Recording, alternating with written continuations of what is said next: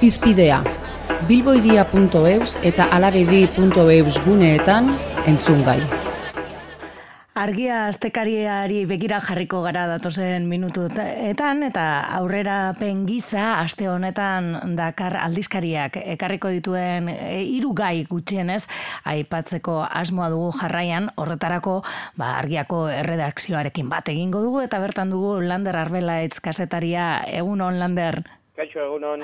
Bueno, esan bezala, ez? Ohikoa dugu Bilbo iria irratitik argiarekin bat egitea eta aurrera pengiza, ba aldizkariak dakarrena komentatzea eta urrengo zenbakian, ba pertsona emakume baten e, argazkia ikusten dugu azalean eta kasetaria ekarri duzue, urruneko kasetaria, baina zeresan handia esaten duena, ez? Amy Goodman. Bai, Amy Goodman elkarrizketatu du Javi Zabalak, New Yorken bertan, eta ezagutzen ez duenarentzat, ba, Amy Goodman da Democracy Now!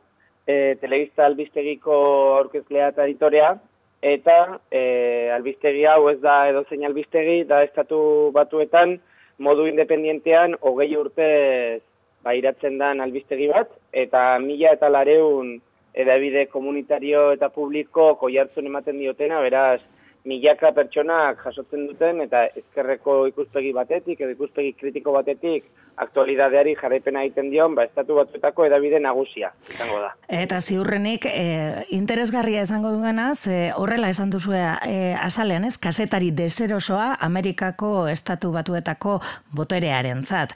Beraz, kontatuko dizki ditu e, kontu interesgarriak ziurrenik. Bai, e, elkarrezketa bi gaitan zentratu du zabalak, e, batetik edabide independenteak eta edabideen rola, bertan, pues, bueno, komentatzen du batzutan gauza jakina dena, ez? Baina, bueno, horrelako pertsona batek neko zehatz esaten duenean, ba, nola edabide nagusiak ba, interes komertzialak zerritzatzen dituzten, ez? Eta askotan, ba, gai, gai batzuk invisibilizatuta gelitzen direla, eta horretarako pues, beharrezkoa direla edabide independenteak, ba, esan bez, besterik ez dago, ba, orain beltzen aurkako violentzia orain lertu dela dirudi, baina hori etengabe gertatzen ari dela, eta, mm -hmm.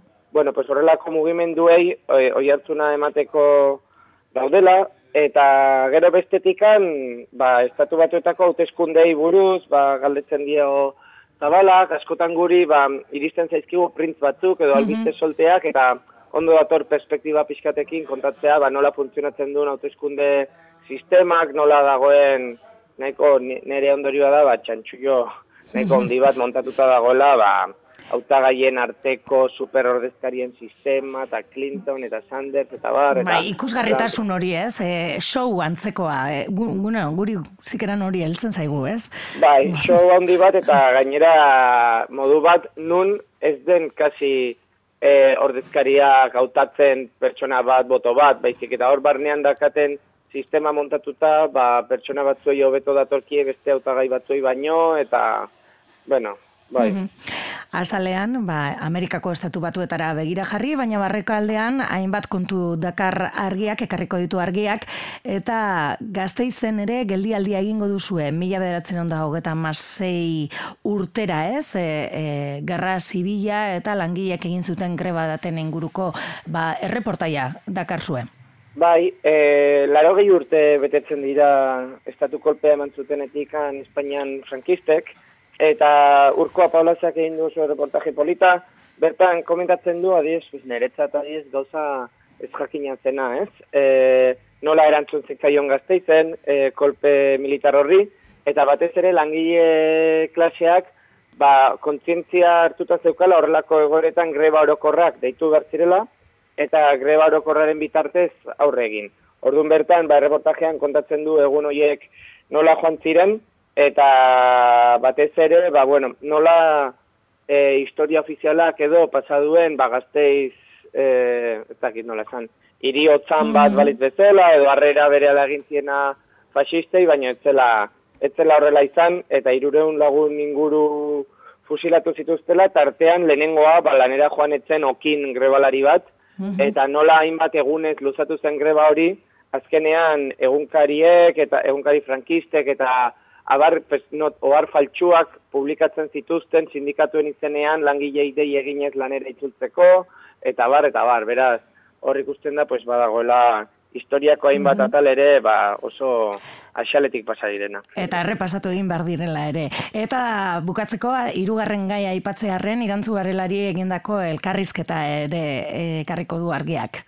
Bai, Danele Sarribogartek egin dio elkarrizketa, oso interesgarria, irantzu garela faktoria lilaren sortzaietako bat da, Portugaletekoa, e, bideo laborrak egiten ditu baita ere latuerka interneteko programan, eta ben gutxi EH Bilduko hautagaia izan da Espainiako senaturako, ez? Mm Eta bizkat elkarrizketa egiten dio, ba, bueno, e, hasieran pues, galdetuz, pues, kontzientzia eta bar nola sortu zitzaion, kazetaritza ikastera joan zenean, eta bar, eta gero ja gehiago zentratzen da feminismoan. Mm Eta, pues, bueno, pues, nire ustez elkarrizketa interesgarria da, tartean, ba, bueno, botatzen ditu hainbat ideia, ba, nola emakumea joan zen borroka feministari esker, hainbat esparru e, irabazten, ba, ikasketak, gidatu alizateak, kontu koroteak, ekonomikoki biziraun alizateko eskema batzutara horbiltzen ari zela emakumea, baina momentu bat, eta beak esaten du, e, batziru dien, horiek denak lortu, eta pikutara bidaliko genula patriarkatua, etxeko lanen imposizioa eta bigarren mailako langileak izatea, baina e, amodio romantikoaren ideologia sartu zela, amodio romantikoak, e, pues bueno, esaten du, arazo bat dakau maitasunarekin, ez? Hori argi dago, zeren osasun mentalaren mundu mailako elkarteak dio, bere bikotekideak edo bikotekide oiak akabatzen dutela munduan erailtzen diren emakumen erdia. Alegia, maitasunaren izenean, mm ikaragarrizko krimenak egiten direla eta nola hor badagoen gai oso bat ba, mereziduna xeetua izatea, ez? Bueno, ba, hauezek dira, e, argia e, astekariak ekarriko dituen hiru gai, potoloak hirurak ere, baina gehiago izango dira. Hemen utziko dugu aste honetako errepasua lander, gu, gure partez, ba, e, ba, gure esan behar dizugu, iraiera arte gutxienez, e, gure, gu oporretan goaz, eta zuek ere izango dituzue, izango duzu atzeden aldia, eta bueltan berriz ere e, entzun elkarren zutea espero dut, e, bilboiria irratian. Bai, ba, oso ondo pasado porrak, placer bat izan da, kurtso zuekin egotea, eta iraian egon gogera. Ederto, oso ondo, mi esker, agur. Bueno, ondo izan, aio. Agur.